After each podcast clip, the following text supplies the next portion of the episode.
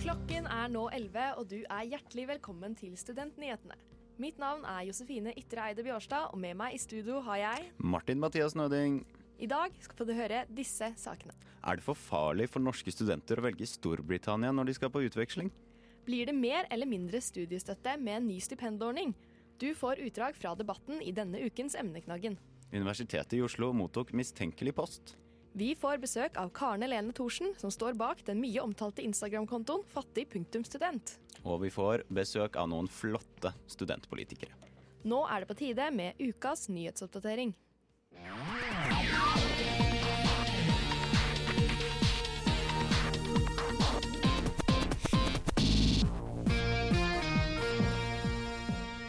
Forskningsrådet utsetter innføringen av Plan S. I disse dager har Forskningsrådet hatt høring om implementering av Plan S, og det er ikke mange som er fornøyde. Målet med Plan S er umiddelbar åpen tilgang til all publisering av forskningsresultater som er basert på offentlige midler fra nasjonale forskningsråd og Det europeiske forskningsrådet. Dette skriver Krono. Lånekassen er nå i gang med sin bokkontroll, og nå gjennomfører de bokkontrollen ved hjelp av kunstig intelligens. Tidligere ble bokkontrollen gjennomført ved at Lånekassen plukket ut et tilfeldig utvalg mennesker, men ved bruk av kunstig intelligens har treffsikkerheten økt med 100% Dette melder Universitas. Og det var ukens nyhetsoppdatering. Mitt navn var Martin Mathias Nøding. Søknadsfristen for å søke seg til utveksling nærmer seg med stormskritt, og tidligere denne uka gikk forsknings- og høyere utdanningsminister Iselin Nybø ut og advarte studenter mot å dra på utveksling i Storbritannia. Vi har tatt en prat med president Hanna Flod i ANSA, organisasjonen for studenter i utlandet, om dette temaet. Vi i ANSA ønsker verken å anbefale studier i Storbritannia eller fraråde mot studier i Storbritannia. Og dette gjelder da spesielt eh, Erasmus, fordi Erasmus da er et eh, EU-program. Og Erasmus sin fremtid er usikker, siden EU, Storbritannia og EU sin fremtid er usikker. Nybø sa at eh, det gjaldt reiser for under et år, da altså utvekslingsstudenter. Hva er forskjellen på å reise i et semester, et skoleår, og det å ta hele utdanninga si der?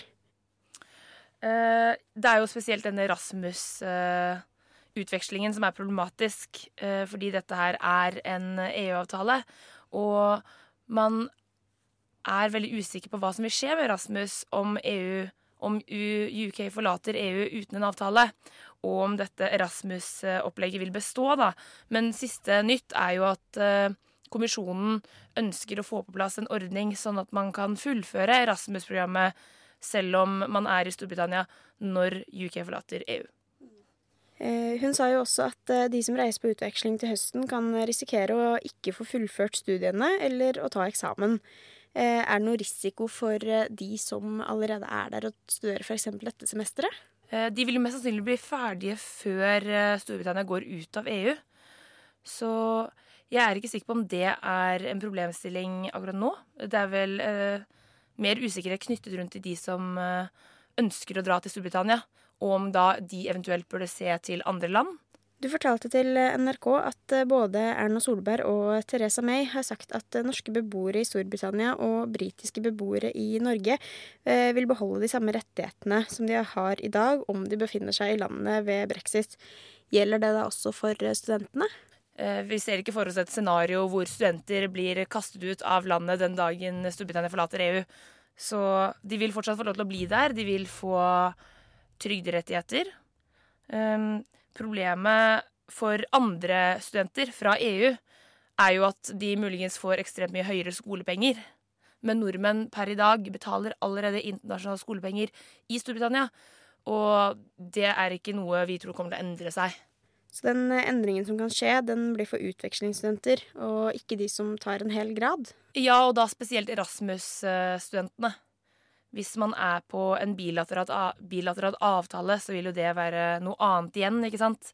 Um, men det med helgradsstudentene, da, det er jo også at de får støtte fra Lånekassen altså, Hvis de får støtte fra Lånekassen, da, så vil ikke det endre seg etter brexit heller. De vil fortsatt få støtte til de samme utdanningene som de får i dag. Det er jo bare ei uke igjen til søknadsfristen går ut. Hva vil dere i ANSA si til studenter som vurderer å søke seg på utveksling til Storbritannia nå til høsten? Vi vil anbefale å følge nøye med på situasjonen og se hva som skjer, og hva som skjer i EU. Og om det blir en avtale om at Rasmus består selv om Storbritannia går ut av EU. Og så vil vi anbefale studentene å tenke seg nøye om om de kanskje vurderer å, kan vurdere å dra et annet land da, hvis de ikke ønsker å ha den usikkerheten. Så anbefalingen fra ANSA er altså å følge med, og kanskje vurdere å søke andre steder når du skal søke utveksling til høsten. Du hørte Hanna Flod, president i ANSA, snakke med reporter Celine Stensrud. Det har ikke lyktes studentnyhetene å få kontakt med forsknings- og høyere utdanningsminister Iselin Nybø. I denne ukens Emneknaggen var temaet emneknagg fremtidsplaner. Og nå skal du få høre et utdrag fra ukens sending der nestleder i Norsk studentorganisasjon, Marte Øyen, og stortingspolitiker og medlem av familie- og kulturkomiteen fra Venstre, Grunde Almeland, debatterte studiestøtte og den nye stipendordningen. Regjeringen skriver i sin plattform at eh, god student, eh, studentfinansiering og, og, et godt velferdstilbud er viktig. Hvordan sikrer regjeringen og, og Venstre et, eh, en god studentfinansiering? Nei, men det eh, Venstre og regjeringen tross alt har gjort, eh, både i det budsjettet som, eh, som, har vært, og det vi signaliserer i, i, plattformen nå, er at vi skal fortsette den store satsingen på økonomi og styrke studentøkonomien underveis i studietiden.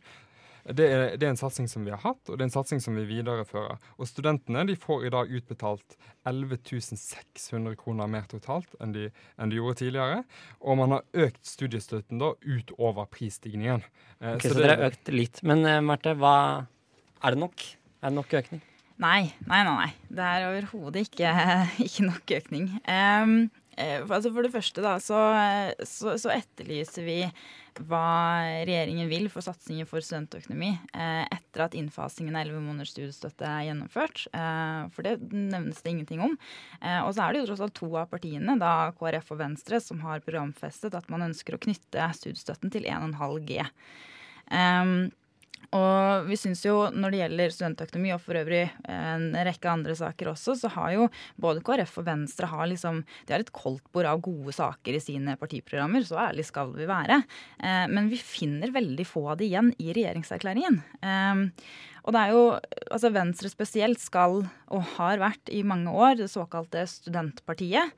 Eh, men det var ikke et eneste punkt i Venstres krav til regjeringserklæringen på studentsaker. Eh, og da også vi har i mente at det er også Venstre som har eh, ministeren for forskning og høyere utdanning. Så vi syns jo det er litt merkelig at ikke satsingen er høyere, da. Ja, Grønne, Har dere glemt deres eget partiprogram dere satt fram denne partiprogrammet?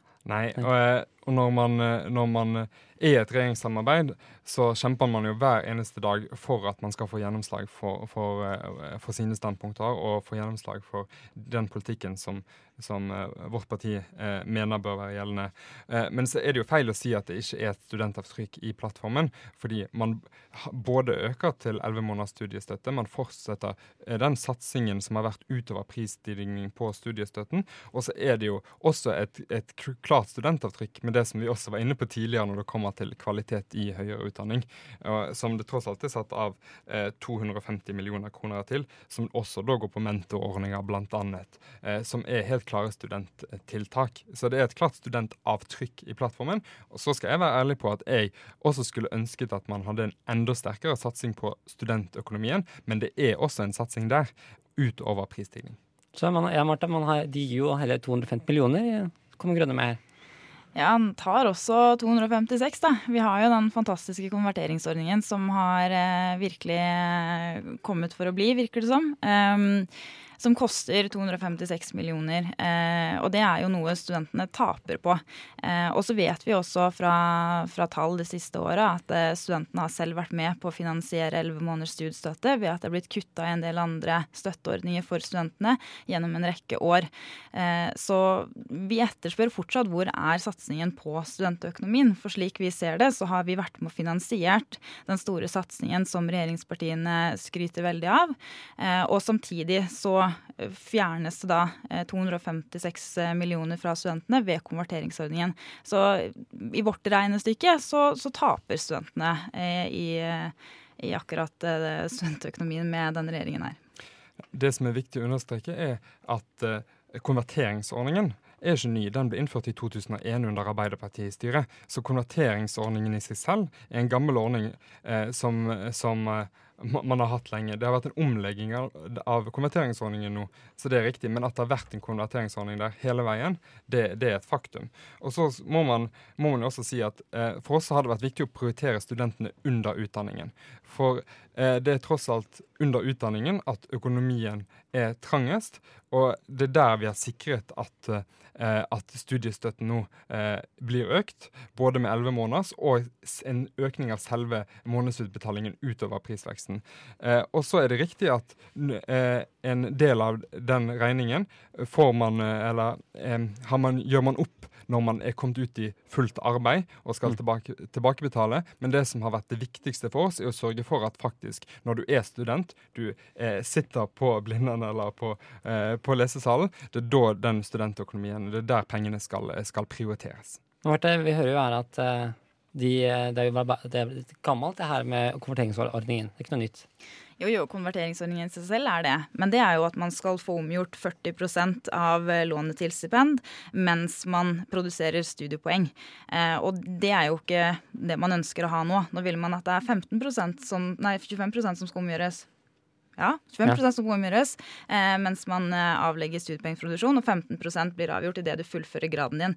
Og Vi vet jo fra bl.a. veldig ferske tall fra Studentenes helse- og trivselsundersøkelse at eh, studenter er i en veldig, veldig pressa situasjon, og veldig mange studenter sliter med alvorlige psykiske symptomplager. Eh, og det er en veldig pressende situasjon å være student. Og hvis du i tillegg skal ha på deg presset liksom, er jeg sikker på at jeg har valgt riktig studie, vil det her få store økonomiske konsekvenser for meg hvis jeg nå bytter? Hva hvis jeg ønsker å ta en etter- og videreutdanningsgrad som på en måte ikke havner inn under det her. Det, er, det legger et ekstra press på studentene som vi mener er helt unødvendig. Jeg skal oppklare litt grunner, for det er jo sånn at man, man, Hvis man fullfører en grad, så får man altså 40% i stipend av eh, studielånet. Eh, det vil si at for hvis man går i fagskole et år, tar en grad der, så får man 40% Men tar man et årsstudium på et universitet, så gjør man ikke det. For det, årsstudium er vel ikke en grad? Jo, en del årsstudiumer er faktisk eh, får man fortsatt, fortsatt faktisk eh, fullt stipend for. Blant annet eh, PPU, altså videreutdanning for lærere, typisk, eh, og en del innenfor sykepleiere som er videreutdanning. Så man har gjort visse unntak også når det kommer til årsstudium. Men jeg mener det er eh, Selv om jeg også anerkjenner mange av de utfordringene som NSO her peker på, Absolutt. Så mener jeg også det er et poeng som vi må ta med oss i denne debatten, at én av tre ikke fullfører graden sin. Det er en ganske stor andel som ikke fullfører en grad, og den, eh, den, eh, den eh, andelen må, bør vi også få opp. Ok, Så vi må få opp graden av de som fullfører, Marte? Ja, vi, vi, er selvfølgelig helt enige om at gjennomføringsgraden i høyere utdanning må, må økes. Eh, men, men, det som ikke nevnes her, er at i de tallene av én av tre, så ligger også de studentene som bytter studie. Eh, så det er ikke så mange som faktisk slutter på høyere utdanning og aldri fullfører. De fleste parten som ligger under de tallene, de bytter og fullfører en helt annen utdanning enn det de opprinnelig starta på. Men andelen er fortsatt veldig høy. Det er også et poeng. Det var da et utdrag fra ukens Emneknaggen. I studio var stortingspolitiker fra Venstre, Grunde Almeland, og nestleder i NSO, Marte Øyen. Ansvarlig for sendingen var Ingar Jakob Feiring og Magnus Tune. Hele ukens Emneknaggen finner du på Soundcloud slash Studentnyhetene, eller der du finner podkast. Tirsdag morgen mottok Universitetet i Oslo en mistenkelig pakke. Vi var på stedet for å finne ut hva som foregikk. Nei, Nå skal etter hvert uh, bombegruppa fjerne den pakken som, uh, som dette handler om. Eh, så de skal bare klargjøre den, sånn at de kan fjerne den trygt ut fra bygget, og så bringe den videre for analyse. Politiets bombegruppe ble sendt til Universitetet i Oslo for å undersøke en pakke som inneholdt et ukjent pulver. Innsatssjef Tom Berger hadde dette å si under utviklingen av situasjonen. Bombegruppa jobber med den og er snart klare til å fjerne den. Den skal til videre analyse. Vi eh, kan ikke fastslå her og nå hva dette pulveret er for noe. Vi vet ikke hvem som er avsender av pakken. Eh, og vi er ikke helt sikre på hvem som fysisk skulle vært mottaker. Så det er noe av det etterforskningen eh, nå vil fokusere på og prøve, prøve, å finne ut av. Vi fikk melding rett før klokken ti, og så vidt vi har brakt på det rene her, sånn, så ble den pakken eh, brakt ned i postmottaket og håndtert, håndtert etter de rutinene de har, så fort de skjønte at det var pulver i pakken. Den blir fraktet ut av bombegruppa i henhold til de eh, prosedyrene de har. Akkurat eh, hva de prosedyrene er, ønsker jeg ikke å gå inn på. Vi tar ingenting eh, for gitt, så vi skal undersøke dette pulveret for å bringe på det rene hva dette pulveret er. Og Foreløpig kan vi ikke si om den er farlig for liv og helse, og, men vi tar alle forholdsregler. og Derfor så sikrer vi pakken, og så bringer vi den videre til analyse. Politiet meldte senere på Twitter at innholdet i pakken var ufarlig, og at ingen hadde vært i kontakt med pakken og kom til skade. Reporter i saken var Magnus Tune. Mat og økonomi er et tema som kommer opp stadig vekk, og nå i det siste har matsvinn vært et brennhett tema. En av de som har stort fokus på dette temaet, er Karen Elene Thorsen, jenta bak brukeren fattig punktumstudent på Instagram. Hun har nesten 70 000 følgere og var nominert til Vixen Influencer Awards i matkategorien i 2018. Vi har gleden av å si velkommen til deg her, Karen Helene Thorsen. Hallo. Hei, hei. Kan ikke du fortelle oss litt om deg selv? Ja, eh, Karen Helene Thorsen, 21 år gammel fra Flekkefjord. Eh, går førsteåret på en bachelor som heter livsstilsendring og folkehelse. Veldig spennende. Eh, for de som ikke har fått det med seg, så har du jo en Instagram-konto. Kan du fortelle litt om hva du legger ut på denne kontoen? Ja, altså Instagram-kontoen heter fattig.student eh, nettopp fordi at jeg er en fattig student, da. Eh, Starta Instagram-kontoen for ca. et år siden, eh, når jeg flytta hjemmefra og skulle spare penger til å reise. Og så ja, så er jo jeg opptatt av eh, helse og ernæring og sånt, så jeg vil ikke at det skal gå utover kosten heller, selv om jeg skulle bruke så lite penger som mulig.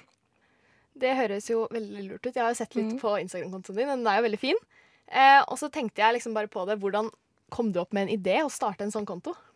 Ja, det er et godt spørsmål. Altså, jeg, jeg gjorde jo dette her for meg sjøl og min eh, daværende kjæreste jeg bodde sammen med da. At eh, målet var på en måte at vi skulle bruke så lite penger som mulig. Um, og så sendte jeg litt snap til familie og venner, og de syntes jo at eh, jeg var veldig flink. De skjønte ikke helt hvordan jeg fikk det til. Og da satte vi den ideen at dette her er jo kanskje noe flere har bruk for. Og det syns jeg jo er veldig gøy at kontoen faktisk har blitt så stor uten at jeg har reklamert noe som helst for den. Ja, det er jo veldig gøy. Mm. Eh, og du legger jo ut veldig mange fine tips også. Eh, for du, du, legger jo ut eh, menyer nesten hver eneste uke. Kan du fortelle litt om den prosessen? Ja, prosessen den er egentlig ganske lang. Jeg driver og um, skriver ned Ofte så starter jeg med én middag som jeg har lyst på, da. Skriver ned ingrediensene til den. Um, og så sjekker jeg hvor mye av hver ingrediens som er igjen etter jeg har lagd middagen. For det jeg må finne ut av da, det er at middagen dagen etterpå må inneholde de resterende ingrediensene fra middagen dagen før. Og det er sånn det blir billig, da. Eh, men så er det jo litt det der med at når man skal planlegge så langt frem i tid, mm. så er det jo kanskje litt sånn Kommer jeg til å ha lyst på det her på fredag når jeg tenkte på det for to uker siden? Hvordan er det å spise noe så lenge etter at du har planlagt det? ja, det er faktisk veldig mange som ikke helt skjønner det, for de vet jo ikke hva de har lyst på til middag før, eh, rett før de skal spise middag, nesten. Men eh, nei, jeg blir jo vant til det. Og så det at jeg sitter og planlegger dette her på søndagen, da å kjøper inn eh, mandagsmorgen. Så jeg går jo rundt og gleder meg på torsdagen eller fredagen til den siste middagen, fordi jeg har jo planlagt hvordan, hvordan den skal være. Og når, når, du vet at du skal spise det, så går du rundt og gleder deg. Det er jo akkurat det samme som at man gleder seg til fredag, for da skal man spise taco, eksempel. Ja, ikke sant. Eh, og så er det jo sånn at eh, vi på, som jobber her på Nova, vi jo, gjør jo litt det som du sier, da, at vi sliter litt med å finne ut hva vi vil ha på forhånd. ja. Så vi snakket litt om det her eh, før du kom, at eh, vi sliter med å finne inspirasjon. Mm. Eh, men hvor mye mat lager du egentlig i løpet av en uke? Er det sånn at du noen ganger jukser og bestiller fra Foodora, eller lager du alt sammen selv hver dag? Ja, altså jeg er ganske flink på å bestille sushi litt for ofte.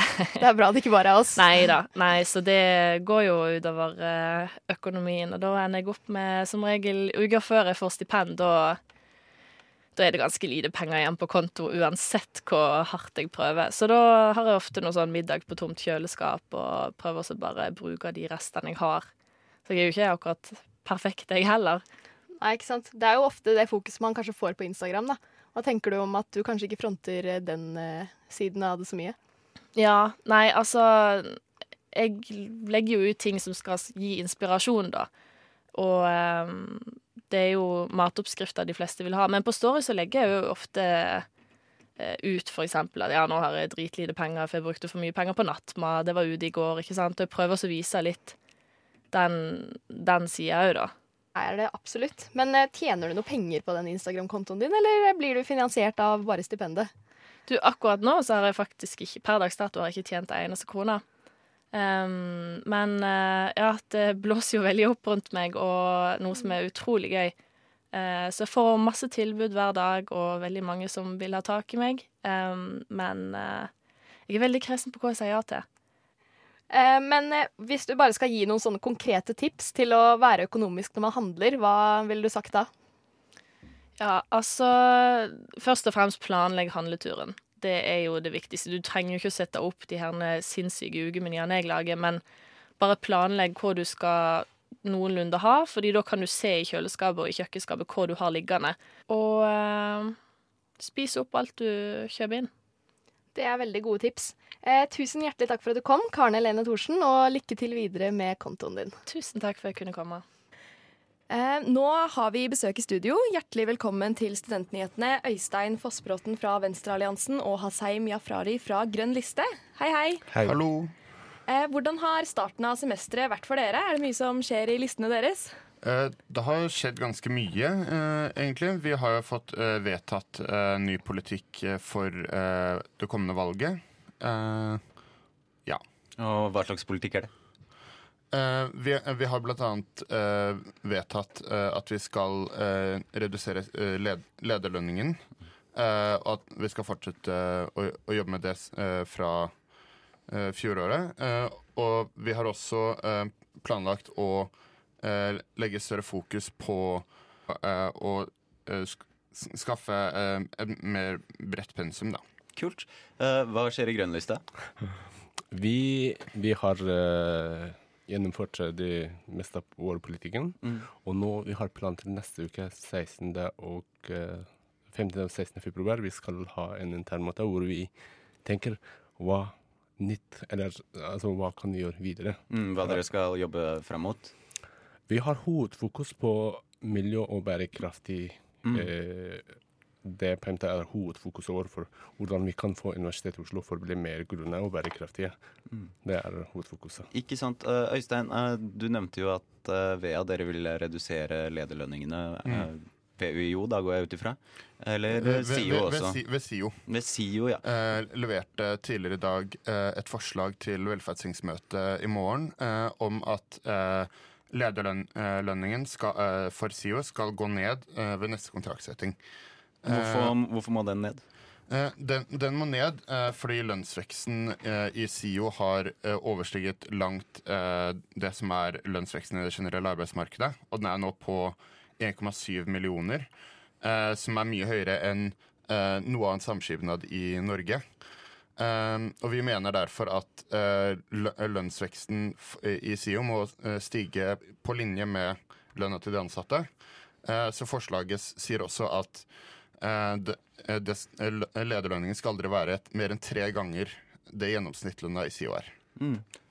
Grønnliste, har dere noen tanker om det? Vi, vi har vært tidligere, altså 2016-2017, vi tok ta, altså saken veldig altså i hvert fall engasjerte oss. Mm. Vi mener det er ikke bærekraftig å ha denne låneutviklingen i ledelsen. Mm. Og vi håper at studentdemokratiet tar tak i det. Vi mm. har flertall både i SIO-ledelsen. Mm. Der er vi kan gjøre noe med. Jeg tenker at jeg håper at velferdstinget, representanten, studentrepresentanten som sitter i velferdstinget, presser våre representanter i COHD-styret for å få en stopp både stopp og reduksjon på det lederlønningen. Mm. Det, det, er jo et lege både for studentdemokratiet og tilliten til SIO, tenker jeg.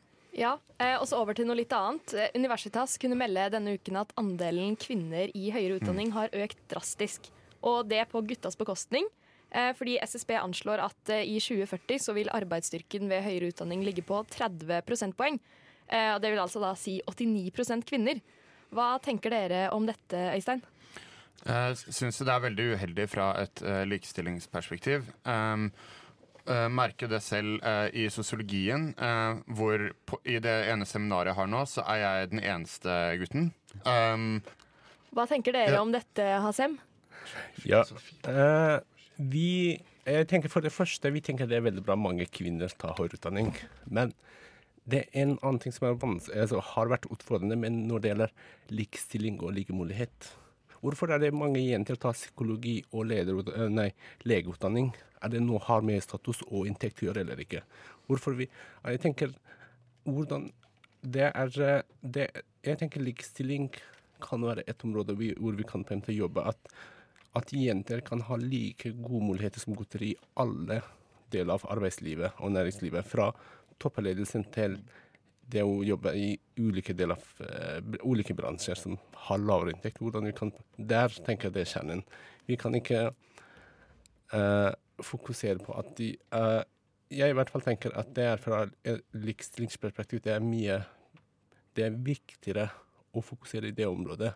Jeg, det er på en måte Det er en sånn midlertidig løsning på det å på en måte få flere gutter i noen områder hvor er uh, dominert av jenter.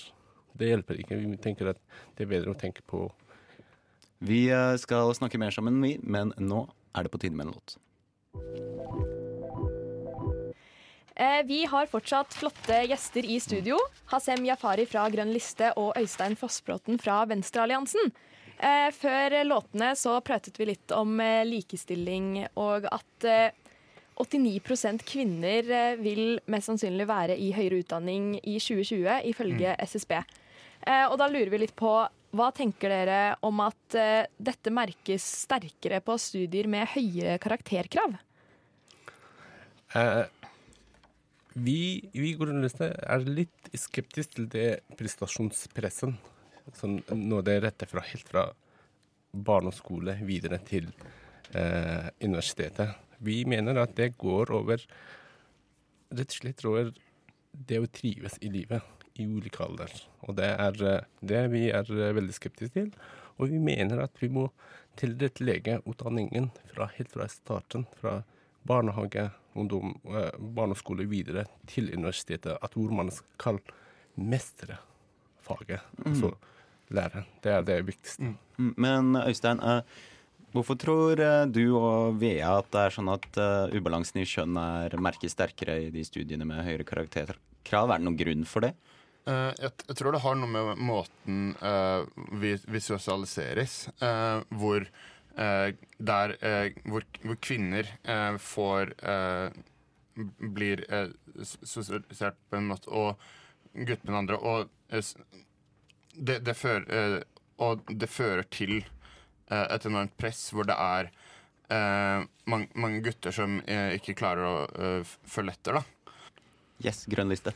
Nei, vi tenker det er, altså, Jeg tenker det er viktig at man tenker på kjønnsperspektiv når det gjelder høyere utdanning, men vi må tenke hva er hovedutfordringen? Vi mener at det er denne sosioøkonomiske bakgrunnen, forskjellen, og denne sosiokulturelle bakgrunnen som en i dag, det er det kjernen, altså denne hovedutfordringen ligger der. Mm. Hvordan vi kan bearbeide det, det er, det er på en måte hovedutfordringen. Jeg tenker det, der er det ligger helt eh, Altså, dette spørsmålet Det er kjernen, tenker ja. du? Ja. Men er det en Mener du at det er en sosioøkonomisk og sosiokulturell forskjell mellom gutta og jenta, eller misforstår jeg feil der?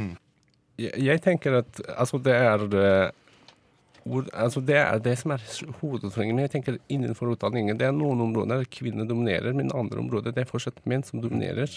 Og det er, vi må ta debatter på begge sider, ikke bare der kvinner dominerer. Ikke sant, selvfølgelig. Øystein? Uh, ja, det, det som er litt interessant her, er jo at ehm, eh, skillene en, endrer seg uh, mens man kommer oppover i høyere utdanningssystemet uh, til når det kommer til søknader av stillinger.